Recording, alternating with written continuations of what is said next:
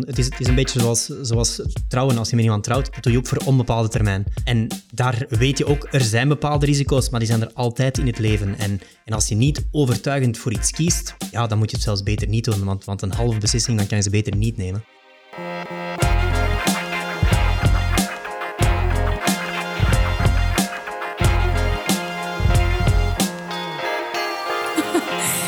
This is The Brief. Goedemorgen, goedemiddag of goede avond wanneer u dit ook luistert. En welkom bij The Brief, de podcast over content, marketing en media. Vandaag is het 29 mei 2018, het staartje van de meimaand.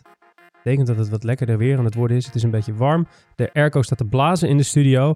Aan mijn linkerhand mijn waarde vriend, collega, algeheel aangename kerel, Matthijs Dielman. Hi. Hoe is het met je? Goed.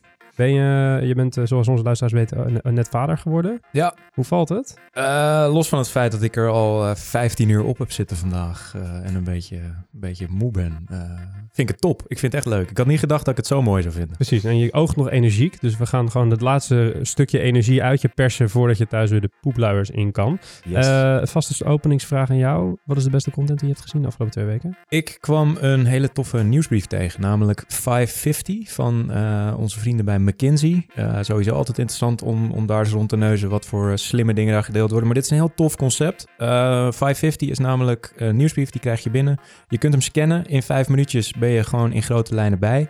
Of je doet in eh 50 minuten een deep dive. Dan lees je drie artikelen over een bepaald onderwerp en ben je gewoon weer op de hoogte. En dat doen ze echt over toffe dingen. Eh, de eerste die ik las ging over Zappos, de, de online retailer in de US. Ehm, over de cultuur, dat je een beetje, een beetje gekke dingen kan doen. En ehm, ja, ik kreeg toevallig net eentje binnen, die ging over Pixar. Nou ja, dan, dan vind ik het altijd interessant. Eh, Dus die pak je even mee voor die 50 minuten dan. Precies, dat eh, wordt ergens dit weekend. Als de kleine ligt te slapen, dan eh, hoop ik 50 minuten voor mezelf te hebben. En Tof. dan, Hoe heet die? 550. 550. Top. Van McKinsey. Van McKinsey. McKinsey gaan, we, gaan we onthouden. Aan mijn rechterhand eh, zit de gast, zoals iedere aflevering. Eh, kwam in 2015 naar de Sunweb Group. Of naar Sunweb Group moet ik zeggen. Daar werd hij Head of Destinations and Concepts. Wat ik al de meest briljante functienaam vind ooit. Eh, maar is sinds 2016 eh, Chief Commercial Officer van Sunweb Group, zoals gezegd. Tim van den Berg, hoe is het met je? Zeer goed, dank je. U, u kunt thuis horen, Tim is een, is een Vlaming. Hoe heb je de reis hierheen gemaakt als Sunweb Professional?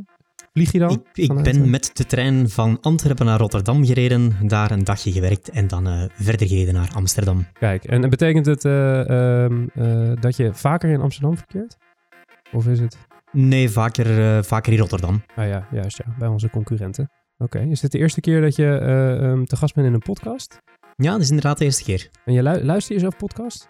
Heel af en toe, maar eerlijk gezegd eh, niet, niet zoveel. Dus, eh, moet, ik, moet ik nog ontdekken. Dus we of gaan- terug ontdekken. Precies, dus we gaan je deze eh 50 minuutjes, 55 minuutjes gaan we je proberen te overtuigen van de kracht van dit medium. Eh, eh, dus u mag mee op die reis. Snapt u hem? Reis, woordgrap, niet ingestudeerd, wel een woordgrap.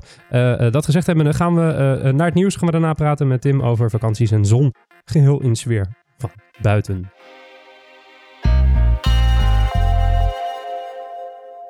Bent u weer terug bij ons in de studio. En zoals u van ons gewend bent, bespreken wij altijd drie nieuwsitems die de mediawereld in zijn of haar ban hebben gehouden. En eh, het eerste nieuwsitem gaat over die vier letters die in ieders mailbox zitten en die men niet meer kan zien of horen. De GDPR, eh, eh, de bekende nieuwe privacywetgeving, waar eh, heel veel grote merken en bedrijven trillend naar, naar kijken en staren. Heel zenuwachtig gedoe allemaal. Ehm, eh, maar in dit geval gaat het niet over al die mailtjes die in mail, in, mail, in je mailbox zitten. Het gaat namelijk over Facebook en Google. Die hebben namelijk, en daar komt die 8,8 miljard aan rechtszaken op den broek gekregen. En van wie? Van een Oostenrijkse meneer, die heet Max Schrems. En eh, het oogt een beetje als een symbolische... eh, we gaan proberen om die grote corporaties meteen eh, nadat het startschot van de GDPR is gegaan, proberen we eventjes over, de, over de balie te sleuren, om het zo maar te zeggen.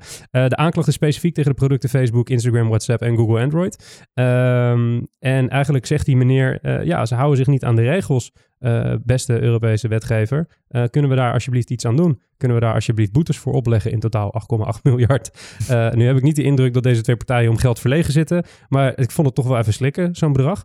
Ehm, Matthijs, is dit nou symboolpolitiek of wat, wat, wat wil deze Oostenrijkse meneer? Ik denk dat het pure symboolpolitiek is. Ehm, ja, GDPR is natuurlijk in die zin zo vaag dat het pas over de komende jaren duidelijk gaat worden wat het echt inhoudt. En ik denk dat dit gewoon een eerste stap is ehm, om, om jurisprudentie te krijgen, dus hoe de wet in de praktijk toegepast gaat worden. En eh, dat op basis hiervan gekeken gaat worden eh, ja, wat de wet waard is. Oh ja, oké. En ik denk dat er ook wel een potje geld klaar ligt in, eh, in Silicon Valley om een aantal van dit soort zaken gewoon prima door te komen. Precies. En anders hebben ze genoeg geld om de hele EU te kopen, denk ik. En dan halen we die hele wet gewoon weg. Precies, krijgen we een nieuwe vlag. F, Precies. F'je erop. Van de regenboogkleuren. Is ook leuk. Heel Silicon Europe. Silicon, Silicon Europe. Hey Tim, de GDPR, SumUp Group, was het, is daar met knikkende knietjes naar uitgekeken of was het allemaal gewoon onder controle? Ja, alles was wel onder controle. Als het eh, met knikkende knie- knietjes zou zijn, dan wil het zeggen dat je de laatste jaren je klanten hun privacy niet serieus hebt genomen. Dus ik vind het ook shocking dat je nu zoveel mailtjes krijgt van partijen die zeggen van we, zijn nu, eh, we gaan nu respectvol om met uw gegevens. Ehm, Tot nu toe niet. Ja, tot niet. Tot nu, ja, dat, dat lees je dan ook tussen de lijnen door. Dus, dus dat- ja, wij gaan er al, al heel lang goed mee om. En hebben wij daar werk met gehad nu? Ja, om een aantal technische aanpassingen doen om mensen uit campagnes te halen of, of bepaalde zaken te automatiseren en dergelijke. Eh, maar ik vind op zich eh, heel de wetgeving eh, ja, wel, wel een goed initiatief. Juist. Ja, ja die, in die mailtjes vind ik het zo, vooral zo grappig in wat voor bochten bedrijven zich wringen om, om een excuus te verzinnen om het je te vertellen. Om, om onze service beter te maken, om je nog beter van dienst te kunnen zijn. Terwijl ze eigenlijk inderdaad gewoon, precies wat je opmerkt, stiekem toegeven dat ze hun zaakjes niet op orde hadden. Ehm Matthijs, wat is jouw mening over de mailtjes? Word je er gek van? Is het, eh, word je er blind? Eh, lees je ze? Nee, ik zie het als een soort eh, ehm, manier om van spam af te komen eigenlijk. Weet je, ik krijg ineens mailtjes van bedrijven waarvan ik niet eens meer weet wat ik er ooit mee gedaan heb. Dus het is prima dat die mij niet meer mogen, mogen benaderen. Ik ben zelfs gebeld door bedrijven van mogen we je alsjeblieft nog eh, in ons eh, bestand houden, dat soort dingen. Wat voor bedrijven word jij gebeld? Matthijs? Ja, dat is allemaal schimmige dingen. Oh ja. dat, dat wil je niet weten. Verbaast me niet. Daar hebben we het straks nog over. Ja, ik ben ook benieuwd of dit nou... ehm, eh, kijk, zo'n golf van mailtjes is natuurlijk bedoeld voor mensen om ja, bewust te worden van het feit dat wat aan de hand is. Maar ik heb toch de indruk, als ik de geluiden om me heen hoor, dat bij, bij de gemiddelde internetgebruiker, dat het toch vooral als irritant en, en vooral maar niet lastig wordt, eh, eh, wordt gezien. Maar goed, we, we zullen het zien. Eh. Het tweede nieuwsitem eh, eh, is voor jou, Matthijs. Het gaat over een film waar jij vorige week heen mee geweest. Ja, iets luchtiger dan GDPR, namelijk eh, Deadpool 2. De film eh, die volgens mij vorige week of twee weken geleden is uitgekomen.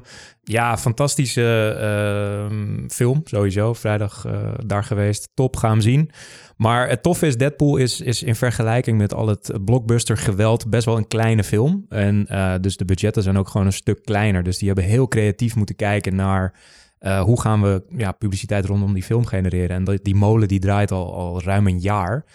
Ehm, ja, en, en het karakter Deadpool leent zich ook fantastisch voor dit soort dingen. Het is een, een, eh, iets wat bij de handen, eh, soms net over het randje eh, grappen makende superheld. Ehm, ja, en die hebben ze op allerlei manieren fantastisch ingezet. Ik, ik noem een paar dingetjes. Een, een videoclip van Celine Dion samen met Deadpool.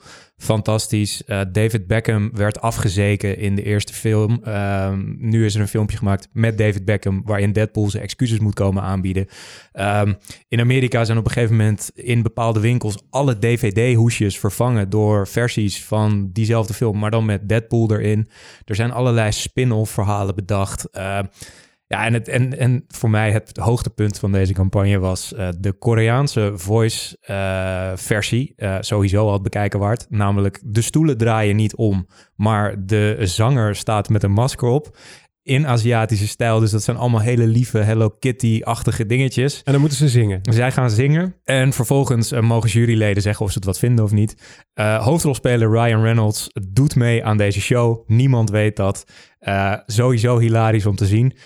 Kijk vooral naar het filmpje van de reactie van de Koreaanse mensen op het moment dat ze erachter komen dat het Ryan Reynolds annex Deadpool is. En ja, het is fantastisch. Kan hij een beetje zingen? Hij kan het, eh, hij kan het aardig. Grappig. Ver boven verwachting leuk. Grappig. Ja, en wat ik heel tof vind aan die film überhaupt... is dat, dat die vierde wand waar eh, acteurs normaal niet doorheen mogen... en het moet mogen praten met het publiek... dat is in die film natuurlijk heel erg een dingetje. Ja. Eh, en dat hebben ze een beetje doorgevoerd in heel die marketingcampagne. Dat is heel erg meta en heel erg ineens dat filmkarakter in de echte wereld zetten. Eh, heel, heel, heel tof gedaan. Ja. Eh, eh, Tim, heb je de film gezien? Ik heb hem nog niet gezien, hè? Maar een, een tip misschien. Ja, heb je de eerste gezien? Nee, ook niet, helaas. Heb je iets gemerkt van de marketingcampagne? Of is die... Nee, het is eigenlijk volledig aan mij voorbij gegaan. Maar die, die, die, Ja. moeten, die, moeten, die hebben nog een markt te veroveren dan eh, Ja. eh, over, de, over de grens. Dus zo meteen in je mailbox, Tim. Kijk eens. Of, Dank je, dank of je. in de show notes. Zoals iedere referentie in dit mooie afleveringetje. Eh, eh, maar voordat we naar het interview gaan trouwens, want dit was natuurlijk altijd de vaste afsluiting van het nieuwsoverzicht, gaan we eerst nog naar het laatste nieuwsitem van deze aflevering. En dat is eigenlijk een beetje een follow-up van een verhaal wat we eerder hier hebben verteld. Want toen wezen we u namelijk op een, eh, op een column of een opiniestuk, moet ik zeggen, eh, van een meneer en die zich heel erg druk maakte over het feit dat zijn kind eh, zomaar alle elektronische apparaten in zijn huis kon commanderen, zonder daar netjes alsjeblieft voor te zeggen. En hij schreef eigenlijk: Ik ben zo bang dat mijn kind nu opgroeit met de notie dat hij zo mensen in de wereld eh, voor zich kan laten werken. En wij deden daar een beetje lacherig over. En een soort van: Nou ja, is dat nou echt een ding? En nou, we, hadden eigenlijk de conclusie was eigenlijk: het was een beetje een, gewoon een, leuk opiniestukje. En zal wel niet zo heel veel resultaten hebben in de echte wereld. Niets is minder waar, want wat heeft Google aangekondigd? Die gaan een functionaliteit eh, eh, op de Google Home installeren, of in de Google Assistant moet ik zeggen, die Pretty Please heet. En wat, wat doet Pretty Please? Pretty Please gaat eh, de stem van jouw kind detecteren eh, op jouw Google Home. En op het moment dat het kind wat aan de Google Home vraagt eh, en daar geen please of alsjeblieft bij zegt, dan zegt je Google Home, what's the magic word?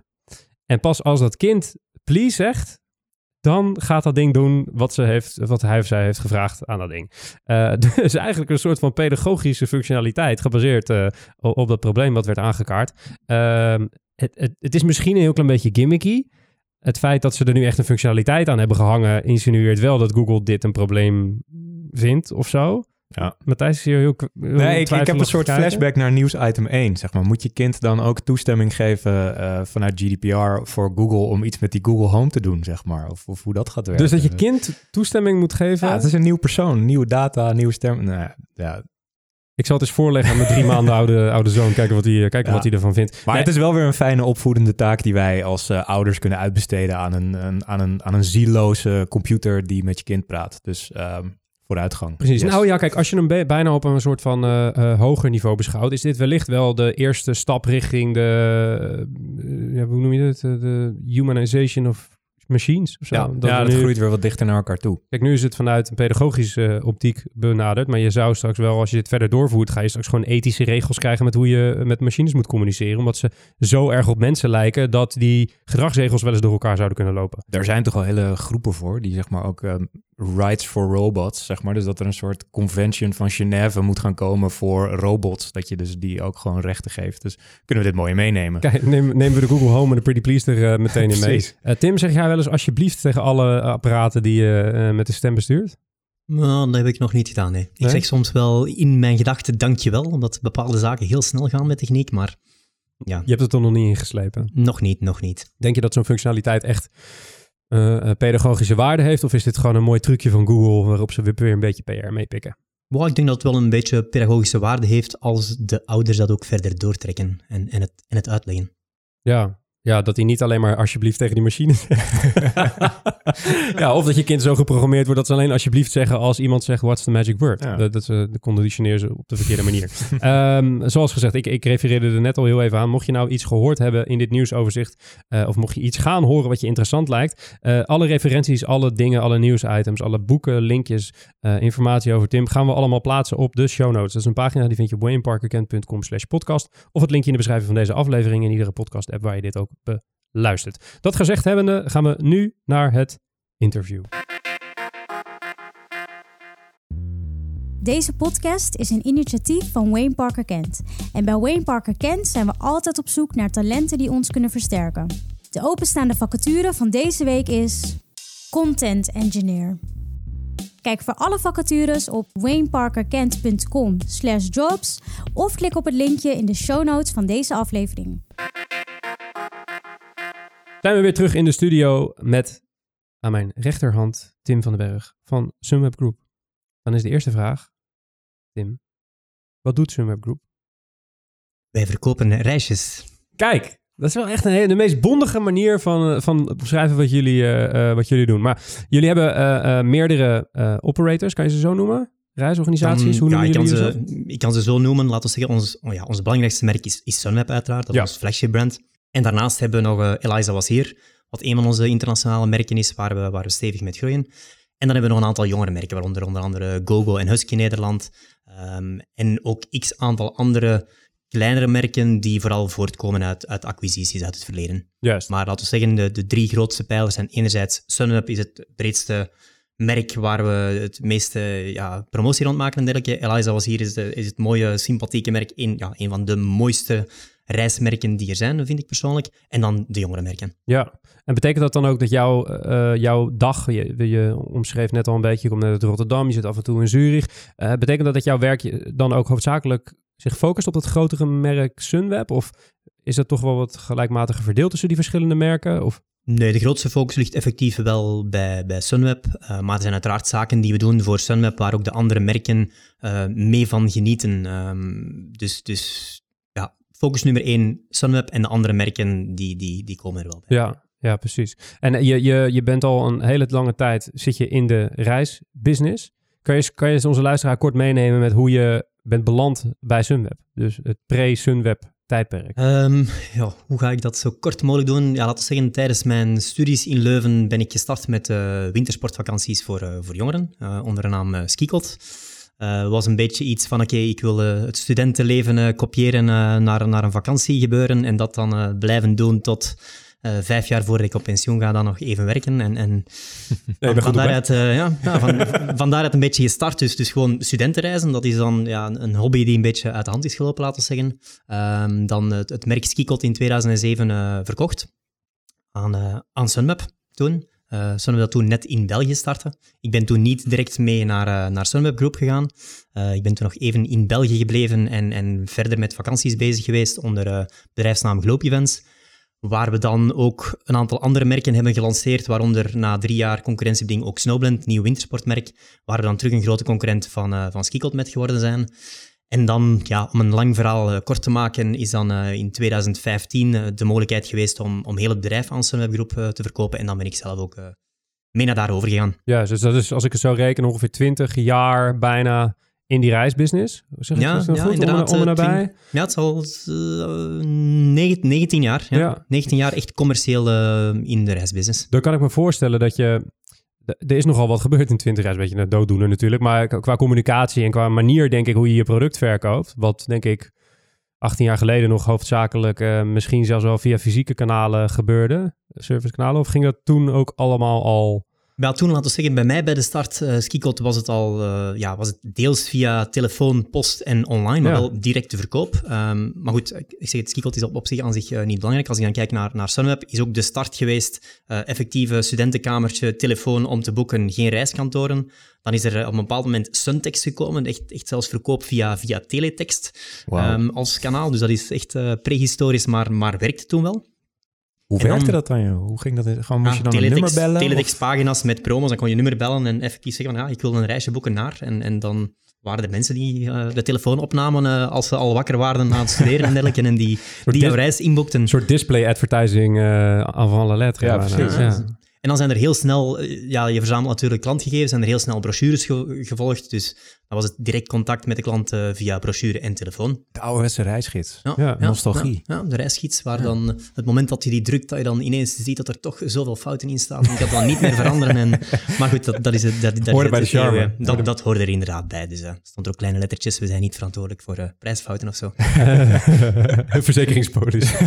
Dus Hey, eh, hoe, hoe, ziet, hoe ziet die mix er nu uit? Is het nu gewoon 100% digital? Gaat geen brochure meer de deur uit? Er gaat geen brochure meer de deur uit. Het is allemaal 100% online. Ja. Er is- zijn uiteraard nog mensen die, die bellen, maar die proberen we dan gewoon te helpen om online hun reservatie te vervolledigen. Precies, meer, meer een ja, soort van tech, tech helpdesk Ja. dan dat het echt een klantenservice portaal Ja, het is nog wel klantenservice om de mensen effectief wel te helpen, Ja. maar het is om hen te helpen, enerzijds met advies over de reizen en vaak ook nog helpen om op de website een reservatie te vervolledigen. Ja. En in, in retail zie je nu eh, dat Amazon koopt bijvoorbeeld Whole Foods. Dus die bewandelen de omgekeerde. Hebben jullie ook nog ergens in de toekomst het idee van we gaan een hele mooie premium retail experience neerzetten? Nee, helemaal niet eigenlijk, maar dat is ook deels doordat wij een heel ander product verkopen. Je verkoopt ja, een product gemixt met een dienst. Wij hebben geen, niet, niets dat je fysiek kan vastnemen. Dus stel dat wij morgen een, een, een shop openen, je kan, als je morgen als Amazon een, een telefoon verkoopt, dan kan je die in de shop vasthouden. Je kan niet Ja. even een, een, een reis gaan vastnemen. Ik zie niet hoe dat, dat kan gebeuren. Dan, Virtual ja, reality. ja, virtual reality is dan iets, maar als je daar content voor moet maken, dat is zodanig duur Ja. nog. Ik denk dat dat nog vrij eh, in, in een pril stadion zit. Dus ik zie ons niet direct eh, reiskantoren openen. Ja. Nee, nee. Ja, dat, lo- wil zeggen, eh, dat is het geluk net dat we die niet hebben. Ja. Ja. En, en los, en los van al die, het kanaal waardoor je je, je product verkoopt, wat, wat is er nog meer echt ingrijpend veranderd in de manier hoe je consument reizen koopt of hoe, de manier hoe jullie verkopen, laten we het zo zeggen? Maar ik denk dat er in heel het landschap wel veel veranderd is, omdat ja, wij zijn natuurlijk een speler die 100% online verkoopt en het product ook maakt van A tot Z. Dus dat was al vanaf het begin zelfs, eh, vanaf de verkoop van op het zolderkamertje werd er wel door iemand fysiek het contract met een hotel gemaakt, eh, het product werd samengesteld en, en ja, wij volgden de klant van, van begin tot einde, laten we zeggen.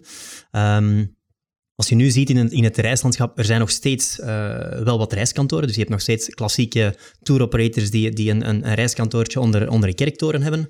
Eh, die hebben een, een periode volgens mij achter de rug waar ze enerzijds online willen ontwikkelen, maar toch ook een beetje, ja, zeg je, in Vlaams zeg je met de handrem op eh, gas geven om, om, om dan online zaken te gaan doen. Dus daar is, is een beetje daardoor, ja, een aantal spelers hebben daardoor wel wat, achteruit, ah, wat achtergangen opgebouwd. Ehm, maar dat landschap is wel aan het veranderen. Dus die klassieke tour zijn ook meer en meer online aan het gaan, grote investeringen aan het doen. En tegelijkertijd heb je natuurlijk het feit dat mensen meer en meer vertrouwen hebben in online reserveren, soms ook zelf hun pakketten gaan samenstellen. Dat is ook, ook makkelijker. Je hebt natuurlijk de, de Airbnb's van deze wereld die erbij komen, die toch wel ja, een beetje een, een ja, disruptor zijn, laten we zeggen. Ehm, dus daardoor verandert het landschap wel wat. Maar ik denk, ah ja, als ik zelf kijk, ah, wij, wij blijven groeien. Dus laten we zeggen, de, de, de reisindustrie groeit vooral bij de spelers die online aanwezig zijn.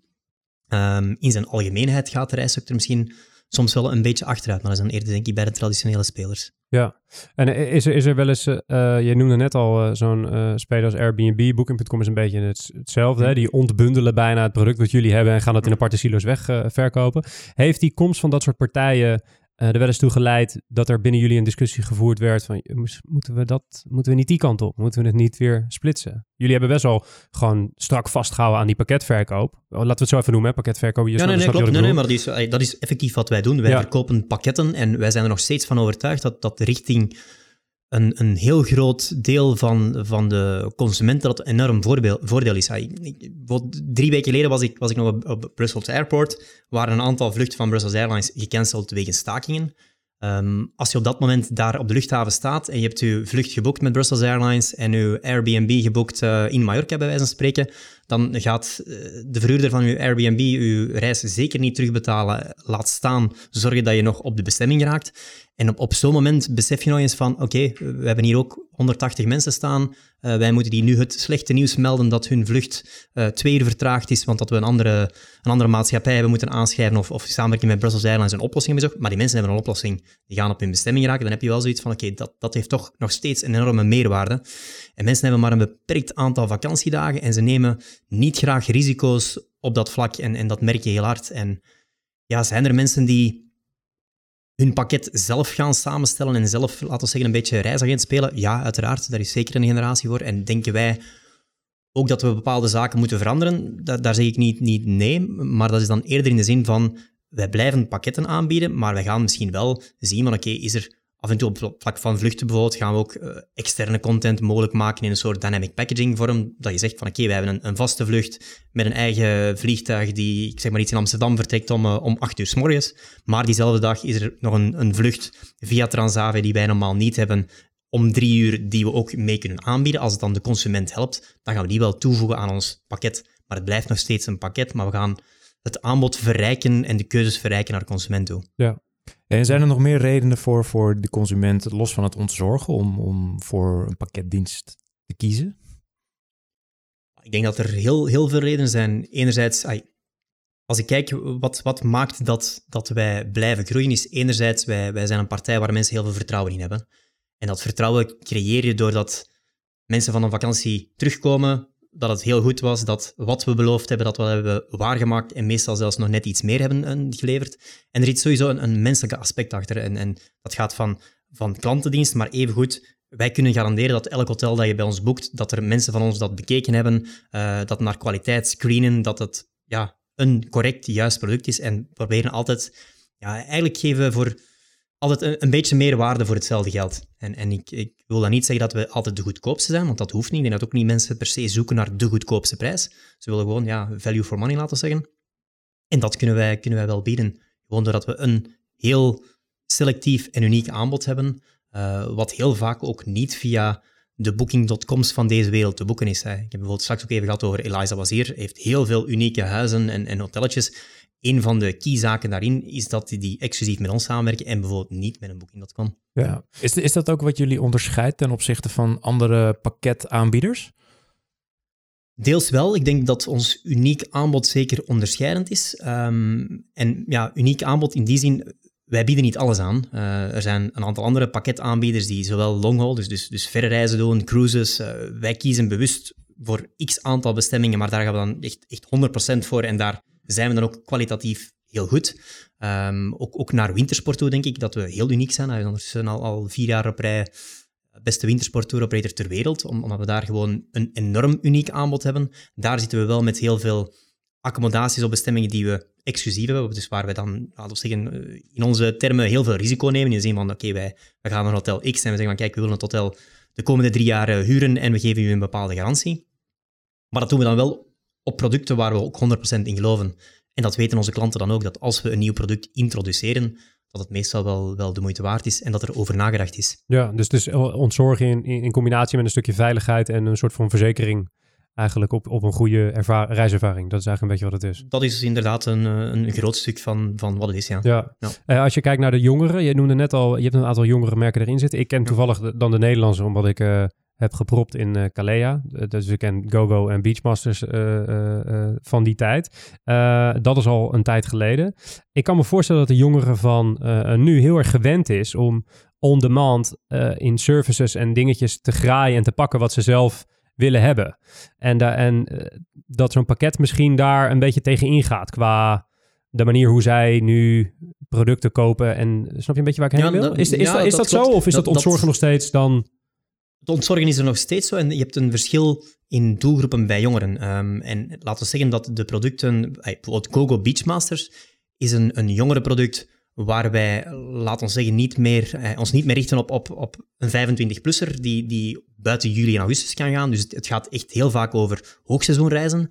En dan mag je soms nog je pakket zelf gaan zoeken. Dan ga je ook heel vaak heel veel geld betalen. En daar hebben wij dan net de garantie dat we voor GoGo net wel de goede vluchten hebben, de goede vluchturen naar de populaire bestemmingen in combinatie met dan net een accommodatie die jongerenvriendelijk is. Want niet alle accommodaties willen tijdens de vakantieperiodes jongeren hebben. En jongeren willen dan net in accommodatie zitten waar andere jongeren zitten. Dus wij bieden ergens die, die garantie. Een deel ja, is, is het... In het begin was het bij Go altijd een feestgarantie, want als je met heel veel jongeren samen bent, dan kan je leuke feestjes bouwen. Maar het is niet meer alleen feesten dat telt voor jongeren. Maar ze willen wel samen zijn met, met hun doelgroep. En, en die garantie bieden wij sowieso. Ja, is, is dat dan ook een verhaal wat je nu uh, uh, uit moet leggen in... Kijk, voorheen was het natuurlijk zo, je deed een, een rondje televisie en uh, je noemde net al teletext en dan hup, boeken met die handel. hecht je nu ook meer, of stop je meer energie in het vertellen van die verhalen rondom die verschillende merken? Je noemde net al Eliza was hier, die maken best wel veel content. Die doen best wel wat verhalen vertellen om die bestemmingen heen, creëren eigenlijk een wereldje. Doe je dat voor die jongere merken nu ook? Ja, voor de jongere merken doen we dat eigenlijk het, meest van al. Um, dus daar uh, maken we echt wel heel veel content op bestemmingen om net te laten zien van kijk, dit is the place to be. Uh, iedereen uh, is hier happy en, en het zijn allemaal soortgenoten. Dus, dus daar, daar moet je dat doen om, om hen te overtuigen. Want ja, jongeren ja, consumeren gewoon heel veel content. En Eliza was hier is gewoon een, een merk, daar, ja, dat merk gaat om content dus. dus en, en dat overtuigt mensen ook effectief, maar dat, daar gaat het over de bestemming, de rust, de uitstraling van een accommodatie. En bij jongeren accommodatie is belangrijk. Ze willen weten van oké, is het effectief on the right spot? Um, en is het bed daar in de badkamer en, en, en is het uh, netjes en, en prijskwaliteit? Maar daarna willen ze gewoon uh, vooral heel de beleving daar rond zien van oké, okay, uh, ben ik echt op de place to be of ja, niet? Hoe ver, hoe ver is het lopen naar de kroeg of naar het strand? Ja, precies. heen en terug. Heen, heen en terug. Ik was ook uh, uh, nogal benieuwd hoe, of je...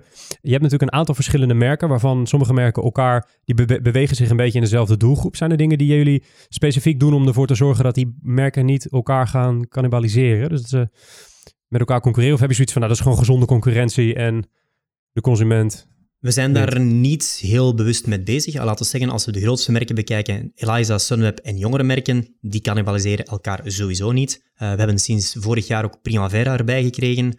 Um, dat is meer, meer winter en, en, een iets oudere doelgroep, dus, dus daar hebben we eigenlijk ook niet direct, uh, direct problemen met. Um, enkel in wintersport hebben we dat een stukje met, met BizTravel en Sunweb. Uh, en daar is het zo dat ondertussen mensen van BizTravel weten dat ze, dat ze in een Sunweb-omgeving qua reisleiding en dergelijke terechtkomen. Uh, maar je hebt, je hebt gewoon daar echt nog wel de historiek van een merk waar mensen echt bewust kiezen voor een merk en, en dat willen we ook blijven ondersteunen.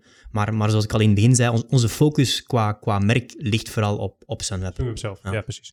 Hey, en, en, je gaf het net al, we hadden het even over tv en, en dat soort dingen. Jullie zijn nu ook nog op tv aanwezig. Um, maar hoe zie je dat ontwikkelen, zeg maar, uh, qua verhouding tussen tv uh, en digital? Ja, dat is een vraag die heel vaak terugkomt. Um, hoe zie je dat ontwikkelen of hoe wil je dat dat ontwikkelt? Uh, ik, ik, ik, ik, denk, ay, laten we zeggen, uh, uh, reclame en media in, in zijn algemeenheid is een soort noodzakelijk kwaad. Dus je, je moet sowieso... Bedankt. ja, nee, nee, maar goed. Ja, uiteindelijk, uiteindelijk wil, je, wil je consumenten helpen en inspireren en, en zorgen dat ze, dat ze de juiste vakantie kunnen boeken en, en dat ze eerst aan u denken op, op elk moment dat ze dat starten. Um, ik, ik kan zeggen, tv momenteel, wij zijn inderdaad nog veel aanwezig op tv. Als je dat zou bekijken in verhouding tot het aantal klanten dat we doen, dan is de verhouding of, of de mix uh, online-offline is, is er heel veel naar online gegaan, maar wij doen nog steeds heel veel tv. Um, en, en zou ik morgen het aandurven om, om bij wijze van spreken tv uit te zetten, aandurven? Nee. Willen? Ja. Maar als, als je nu ziet, bijvoorbeeld december, januari, merken wij gewoon heel hard dat tv nog enorm versterkend is. En uiteraard spelen we, spelen we erop in met online, want je haalt mensen naar, naar je website via tv en die ga je dan daarna proberen te targeten en audiences te maken en te zien, oké, waar hebben ze interesse in? Maar momenteel werkt, werkt tv nog wel. Zie je dan ook nog leeftijdsverschil? Dus dat, dat bijvoorbeeld de wat oudere producten toch door tv aangeslingerd worden? Of? Ja, om, om, om bijvoorbeeld uh, naar Google te verwijzen. Google momenteel doen we eigenlijk niets meer op tv. Dus uh, tenzij sporadisch nog eens een, een programma waar we met product placement in verder dat het kan aanwezig kunnen zijn, maar dat het, dat het eerder een, een beleving is die we laten zien.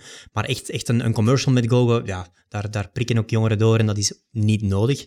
Um, maar, maar bij Sunweb is het gewoon om, om vertrouwen te creëren en, en om top of mind te zijn.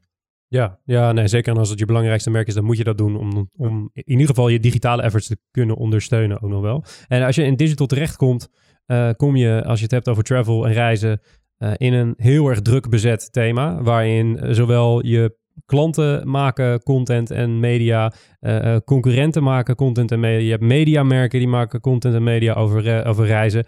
Hoe kan je daar als reisaanbieder bovenuit steken? Lijkt me best wel een moeilijk speelveld waar je dan in digital in terechtkomt? Wel, is zeer, zeer moeilijk, vooral om, om op te vallen ten opzichte van, van concurrentie. Um, en daar moet je proberen zo intelligent mogelijk te zijn. En, en daar helpt techniek met. Maar natuurlijk, ja, techniek kan je pas goed gebruiken als je een goede strategie hebt. Uh, dus daar proberen wij wel, wel heel hard te werken met, met, met audiences, met doelgroepen. Uh, zorgen dat we wel de juiste ad aan, aan de juiste persoon serveren. Dat, dat jij bijvoorbeeld geen uh, Google-advertenties meer te zien krijgt. Ay, je mag nog met Google meegaan natuurlijk, maar, maar willen, in principe is dat niet de bedoeling. Dus, dus ga heel veel intelligentie proberen op te wekken en, en zorgen dat, dat je niet alleen maar bezig bent met boek nu, koop nu vanaf prijs X. Dus, dus we hebben enerzijds een stukje hero content waar we in investeren, waar waar we het merk wel wat naar voren willen laten komen en dergelijke. Um, en anderzijds ook echt content over, over bestemmingen uh, die inspiratie brengt. Uh, en we proberen gewoon mensen in een bepaalde funnel mee te nemen. Doe je dat, dat zeg maar door de hele funnel? Dus je noemt al die hero, dus dat zijn de grote aandachttrekkende producties. Maar kun je wat meer vertellen over hoe dat dan verder in de funnel eruit ziet? Ja, doen wij dat in heel de funnel? Ja. Ik denk dat dat het, klassieke eh, Google-verhaal is. Ik denk dat we een heel... We doen best wel wat met, met Google als mediapartij, volgens dan hun, hun see, do, care-principe. Dus daar gaan we wel heel, heel de funnel door. Um, maar natuurlijk, dat is iets wat, wat iedereen doet. Iedereen uh, weet wel wat er moet gebeuren. Het is dan gewoon een punt om in elke fase van de customer journey de juiste boodschap te brengen die dan net een klant kan helpen. Als je bijvoorbeeld bekijkt, we hebben een paar keer al onderzoek gedaan, een, een, gemiddelde boeking van, van een vakantie heeft meer dan 70 touchpoints. Dus als je gaat kijken online, eh, zijn ze op 70 verschillende plaatsen geweest. En, en ja, dan wordt het natuurlijk heel moeilijk om daar eh, een, een attributiemodel op toe te eh, passen en dergelijke.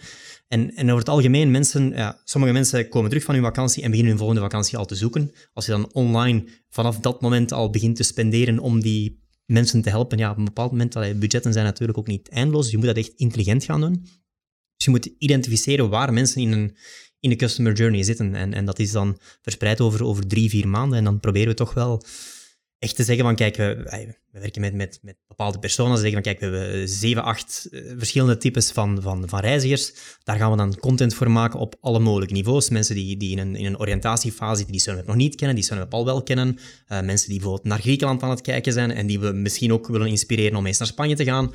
Dus, dus ik denk puur op vlak van, van creaties en content afgestemd op, op, op laten we zeggen, de, de customer journey, daar gaan we wel heel ver. En misschien zelfs, zelfs soms te ver, maar ja, waar, waar ligt de limiet Hoe natuurlijk? bedoel je te ver? Dat je te veel aan het segmenteren bent, dat de tijd die je spendeert aan het segmenteren eigenlijk... Qua segmenteren, eh, je, je kan heel veel segmenteren, daar kan je technisch heel veel voor, voor inrichten. Mhm. Uh, maar ook aan de creatiekant moet je natuurlijk ook, ook mee, want het heeft geen zin om, om uh, 5000 segmenten te maken als je geen 5000 verschillende creaties kan maken. En uiteraard, creaties doe je een, een, een deels, deels dynamisch, maar er moet wel een strategie achter zitten. Je moet ook de juiste call to actions hebben. We zijn actief in zeven landen, dus je moet het vertalen naar verschillende landen. Ook landen, er zijn ook wel iets of wat cultuurverschillen in, in de, de periode dat mensen zoeken, hoe mensen zoeken. Uh, dus daar moet je ook op afstemmen. Dus, uh, dus dat is complex. Ja, zou je, dat, zou je dat ook zien als je grootste uitdaging? Om die balans te vinden tussen en een uniform verhaal vertellen en het bereiken van al die doelgroepen en de infrastructuur erachter in orde maar hebben? Ik denk, denk de grootste uitdaging momenteel is vooral de kanalenmix. Dus en, en uh, een kanalenmix die vandaag perfect is, zal dat morgen niet meer zijn. Dus, dus daar is ook verandering constant, omdat er, ja, er komen altijd meer en meer kanalen. We doen nog Mhm. niets met een podcast. Hè, dus nee, maar, maar daar is gewoon... En, en, en het, het moeilijke is, zoals ik er straks zei, meer dan 70 touchpoint. Ja, welk kanaal draagt bij aan, aan een effectieve boeking?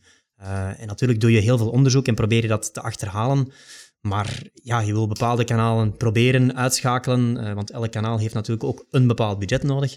Um, dus dat is de grootste uitdaging, laten we zeggen, toch wel. Ja. De kanalenmix. Ja, ja, en in de tijd dat je dat onderzoek aan het doen bent, verandert de wereld ook weer. Ja, dus dat is, ja, dat is altijd ironisch aan... Uh, een gedegen onderzoek is 9 van de 10 keer al gedateerd als het uitkomt uh, in, in de digitale omgeving.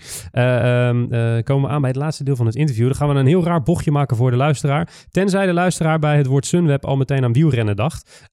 want Tim, uh, sommige mensen uh, kennen jullie van de wielrenploeg die jullie sponsoren, Team Sunweb. Ja, daar ga ik vanuit, hoop ja. ik.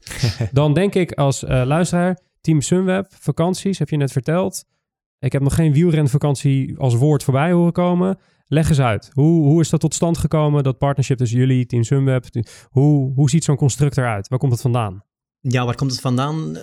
Laat ons zeggen, wij, wij zijn in de eerste plaats een, een internationaal bedrijf. Dat is een evolutie die de laatste jaren heel hard heeft plaatsgevonden. Uh, om een idee te geven, we zijn ontstaan vanuit Nederland, maar ondertussen uh, in Nederland groeien wij elk jaar. Maar onze omzet in Nederland is momenteel minder dan 60% van onze totaliteit. Dat wil zeggen dat we in, in de buitenland heel veel groeien. Maar in het buitenland kent iedereen Sunweb niet en moesten we het volume van tv en media advertising van Nederland in één keer kunnen doorkopiëren naar UK, Scandinavië, dergelijke. Het zou heel mooi zijn, maar dat is niet, niet haalbaar. uh, dus dus zo, eh, zo, zo, diep gaat de portefeuille helaas niet. Uh, zou ook niet intelligent zijn.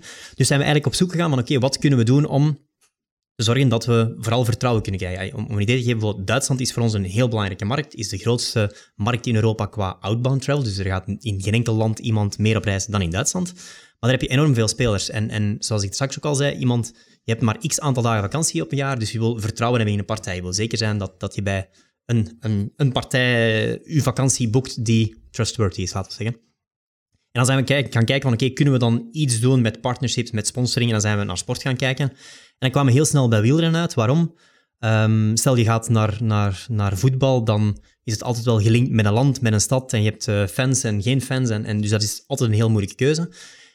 En bijvoorbeeld Chelsea zal altijd Chelsea blijven en zal nooit de naam van een sponsor krijgen. Als je dan naar wielrennen kijkt, wielrennen is niet gebonden aan een land. Wielrenners reizen heel de wereld rond, dus, dus op zich is daar al een, een reislink. En daar heeft de, de naam van je team kan ook de naam van een sponsor zijn. Dus ik denk dat dat een, een, een heel goede manier is om heel snel naamsbekendheid te krijgen. Zeg wel heel bewust naamsbekendheid, want daarna is natuurlijk het activeren en uitleggen van, van wie we zijn. Ik zei het er straks voor, voor het interview nog, er, er zijn evengoed mensen in, in Duitsland die in het begin dachten dat we bijvoorbeeld een, een zonnecreme waren of een airline. Ja, daar moet je wel bij stilstaan, want ik denk dat dat een van de grote fouten is die veel sponsors in het wielrennen, in het wielrennen maken. En dat willen we op een of andere manier wel vermijden. Ja. Jullie zijn wel heel committed, hè? want jullie hebben een, een sponsorcontract voor, voor onbepaalde tijd. Ehm, er gaat een heel mooi complex gebouwd worden in, in Sittard, als ik het goed heb uit mijn Klopt, hoofd. Ehm, dus, dus dit is wel echt een lange termijn visie die jullie hebben hierbij. Ja, ik denk dat dat iets is waar je niet in kan investeren op korte termijn. Dus, dus je moet erin investeren in, in lange termijn en ook niet, niet rekenen alleen op, het, op bijvoorbeeld een, een eenmalig succes van een renner of van een bepaalde periode. Daarom ook, eh, in het begin hebben we het, het team gelanceerd en zeggen van oké, sponsor of memories, not only victories. Uiteindelijk was het het eerste jaar, hebben we dan wel de, de Giro gewonnen en, en de bolletjestrui in de Tour. En Toch wel. En lekker. Dus, dus, Toch wel lekker, toch? ja, dat, dat smaakt dan wel naar, naar meer, maar ik denk dat je nog steeds ervoor moet kunnen zorgen dat als die overwinningen er niet zijn, dat, dat je toch kan uitleggen wie dat je bent. En, en dan moet je daar strategisch echt, echt wel heel veel werk van maken. En dan moet je er ook effectief investeren in, in lange termijn. Ja. Ik hoorde, ik, hoorde eh, ik was een beetje eh, deze week research aan het doen naar de reacties op zo'n eh, onbepaalde tijd sponsorcontract. Want ik had het op de Marcom blogjes wel voorbij zien komen. En toen kwam ik op een soort een beetje zurige stel wielrenjournalisten die zeiden... Ze hebben helemaal niet nagedacht over de lange termijn risico's. Want stel nou dat die valt van zijn fiets en die... En die kwamen met allemaal een soort van doemscenario's die allemaal hypothetisch waren. Dus waar je sowieso niet zo heel veel mee kon. Ik was benieuwd, toen, voordat jullie die onbepaalde tijdscontractduur aangingen, is er gesproken over die lange termijn risico's? Of is, het, is, is die, die visie die je net omschrijft gewoon zo standvastig van we, we bijten ons hierin vast, we gaan dit doen en no matter what, we blijven, we blijven doorgaan? Ja, je, over, je overweegt uiteraard wel risico's, maar, maar dan nog, ik, ik heb bijvoorbeeld laatst ook een interview tegen iemand gezegd, van, het, is, het is een beetje zoals, zoals trouwen, als je met iemand trouwt, dat doe je ook voor onbepaalde termijn. En daar weet je ook, er zijn bepaalde risico's, maar die zijn er altijd in het leven. En, en als je niet overtuigend voor iets kiest, ja, dan moet je het zelfs beter niet doen, want, want een halve beslissing, dan kan je ze beter niet nemen.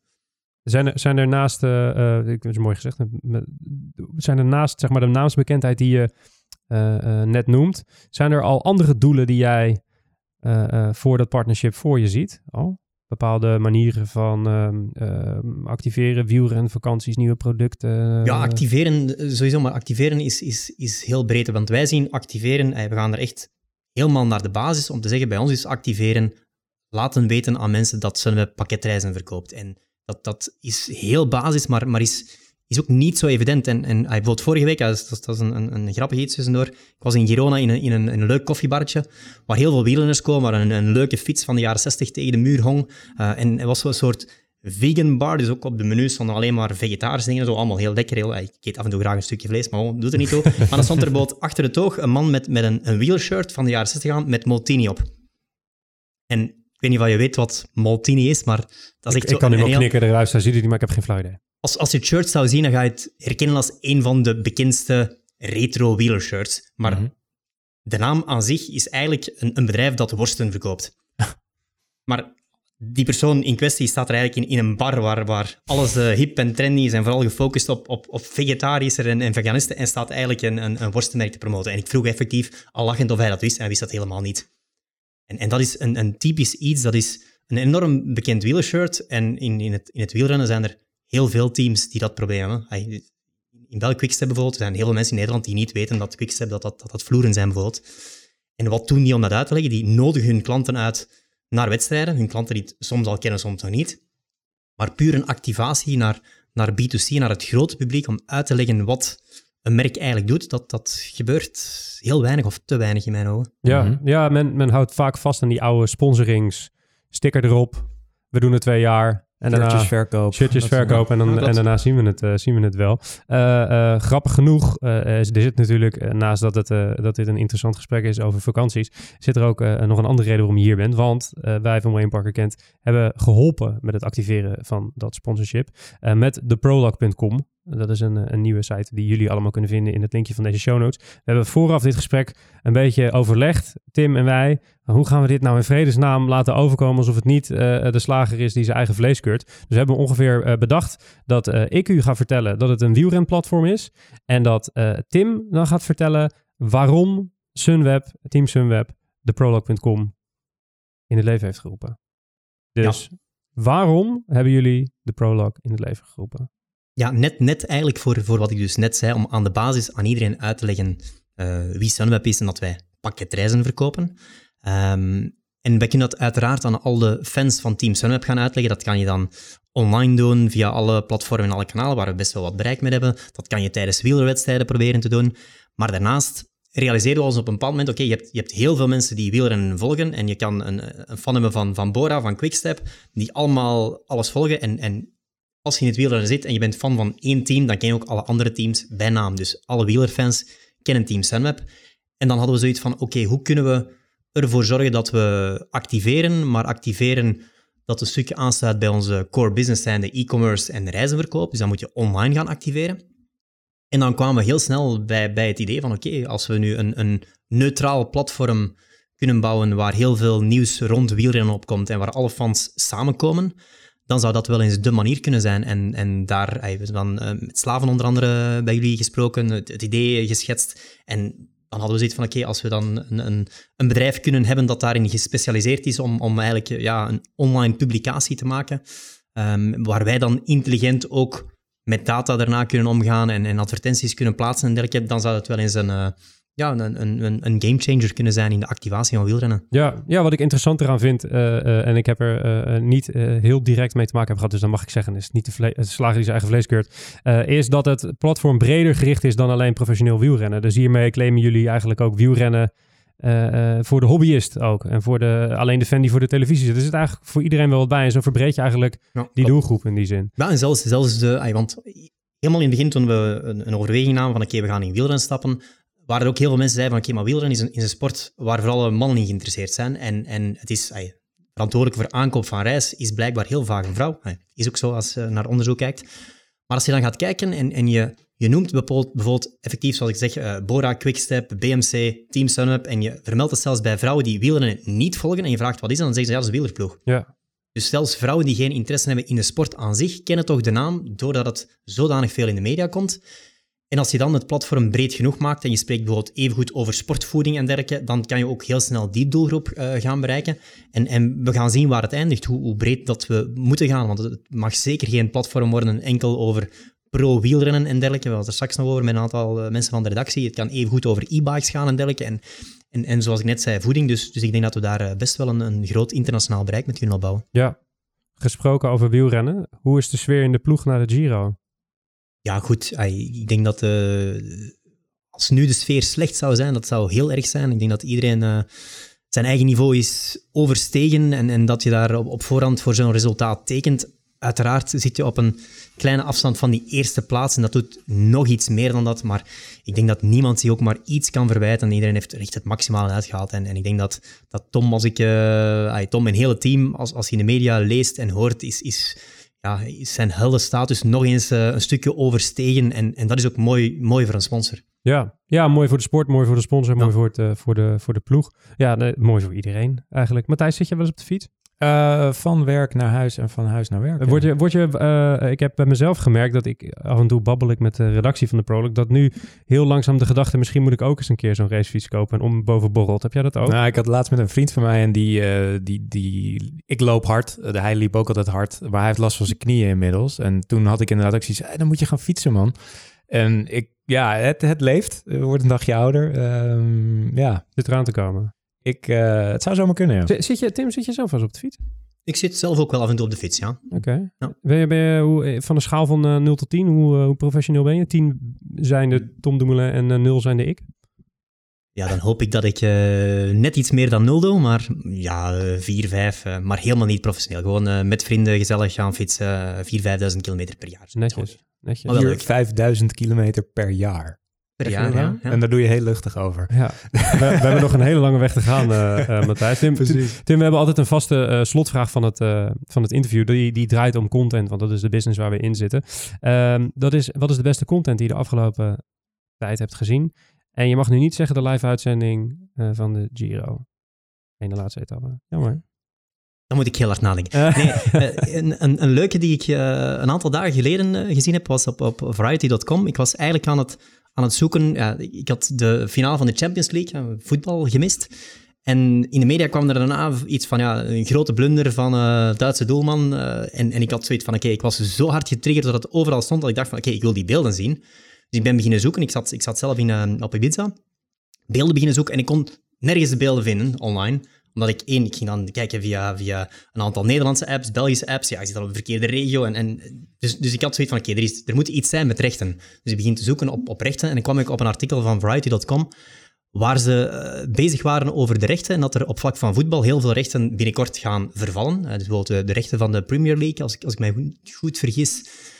Uh, als ik me niet vergis, is dat nu 2,2 biljoen dat daarvoor betaald werd, zaten bij Sky gaan nu naar een andere partij gaan, mogelijk. En dan werd er heel hard gespeculeerd op het feit dat onder andere een, een Facebook, uh, een Twitter en dergelijke heel hard voor die rechten gaan strijden. En dat vind ik wel een, een hele boeiende evolutie om, om te volgen. Want het ging zelfs in het artikel zo ver dat ze zeiden dat het zelfs zou kunnen zijn dat ze echt streamingsrechten en tv-rechten mogelijk bij gewoon een streamingpartner zouden, zouden leggen. Dan zou je, dat ging dan over, uh, over American football ook op bepaalde zaken, dat je het zelfs niet meer op tv zou kunnen zien, maar dus enkel bijvoorbeeld via een partij, zo, via een, een techpartij, laten we zeggen. Nou, Twitter heeft voor de NBA, geloof ik, al... Ja, nee, de, de, volgens mij eh, de NFL of de NFL? Ja. De samenvattingrechten of ja, zo. Ja, NFL, de, de Monday, uh, de Monday Soccer Game of zo, denk ik dat zij hebben. En, maar, maar, het gaat natuurlijk over enorm veel geld, maar eens dat zo'n partij, partij in Silicon Valley, zich daarmee beginnen moeien, dan vraag ik mij af wat dat voor, voor tv-kanalen wil, wil betekenen. Want als, in hetzelfde artikel stond ook iets in, in Amerika bijvoorbeeld, Um, ja, ik, ik, probeer altijd cijfers te houden. Onthouden was 92% van de mensen die een tv-bundel uh, afsloten, deden dat op basis van sportrechten. En meer dan 80% zei dat als er bepaalde uh, hey, als je bepaalde wedstrijden kon zien zonder, zonder die sportrechten bij een bepaald pakket te nemen, dan zouden ze ook hun pakket opzeggen. Dus dat wil zeggen dat, dat de lijm van sportrechten en het afsluiten van bepaalde tv-bundels echt wel ja, één op één bijna met elkaar gelinkt zijn. Dus dat zou wel eens een, een, een grote verandering kunnen, uh, ja, ik ben, ik ben, ook heel benieuwd wat de, wat de kijkcijfers van de Champions League in Nederland doen. Uh, ten opzichte van de periode hiervoor, toen ze nog niet online via nu.nl te bekijken waren. Oh. Ik denk dat daar best wel eens wat weg is gestroomd uit, uh, uit uh, de televisie. Ja, interessant. Ja, ja, interessant. Um, Tim, hartstikke bedankt voor je komst naar de studio. Viel het mee of viel het tegen? Het viel goed mee. Nou, ja. ik, moest, uh, ik, moest, even nadenken, maar ik hoorde precies file, ja of nee. Ik dacht van, ik moet naar huis, file, nee. het viel mee, het viel mee. Nou, je hebt echt geen file waarschijnlijk, want het is al wat later in de avond en het viel mee. Nou, dan zijn wij helemaal tevreden. Uh, uh, mocht hij nou winnen in de Tour, kom dan snel een keertje terug. Gaan we het gewoon heel de aflevering over wielrennen hebben. En dan zullen wij beloven dat wij een fiets hebben gekocht. En een, moet jij ook het pakje aan, Mark? Doe ik het, doe ik het pakje ja. aan. Doe ik het pakje aan. gaan we een special, gaan we een special maken. Ja. Matthijs Stielman, waarde vriend, vond je het? Ik vond het leuk. Je bent nog wakker? Ja, zeker. Mooi. Ja, ik heb het gered. Je hebt het gered. Dat is ook het enige wat er nog uitkomt. uh, zien we je over twee weken weer? Zeker weten. Hartstikke gezellig. Dat betekent dat we aan het einde zijn gekomen van deze aflevering van The Brief. Vond u deze aflevering nou tof? Uh, abonneer dan eventjes. Of zeg tegen je collega of tegen je vriend tegen je moeder uh, dat hij zich ook kan abonneren. Dat kan tegenwoordig via iedere grote podcast-app, inclusief Spotify, uh, iTunes, Apple Podcasten, Soundcloud. Nou, noem het op en we staan erin. like ons dan ook eventjes, recensie achterlaten. Allemaal hartstikke leuk. De brief wordt zoals iedere aflevering gemaakt door WPK de Agency, door het content marketingbureau van Wayne Parker. Kent onze mediapartners zijn Adformatie en BNR Nieuwsradio. De productie hier wordt zoals iedere aflevering gedaan door de onvolprezen en wederom aanwezige Kevin Eiken. Die heeft geen microfoon, maar die gaat wel wat zeggen. De redactie wordt gedaan door Pepijn van der Pol. Die heeft ook geen microfoon, die gaat ook wat zeggen. En special thanks nog voor Floris Benoit. Die heeft ook geen microfoon en die gaat ook wat zeggen. Hoi. En de volgende aflevering is over twee weken. Wie er te gast is dan, dat houden we nog even geheim. Mijn naam was Mark Schoones. Bedankt voor het luisteren en tot de volgende keer.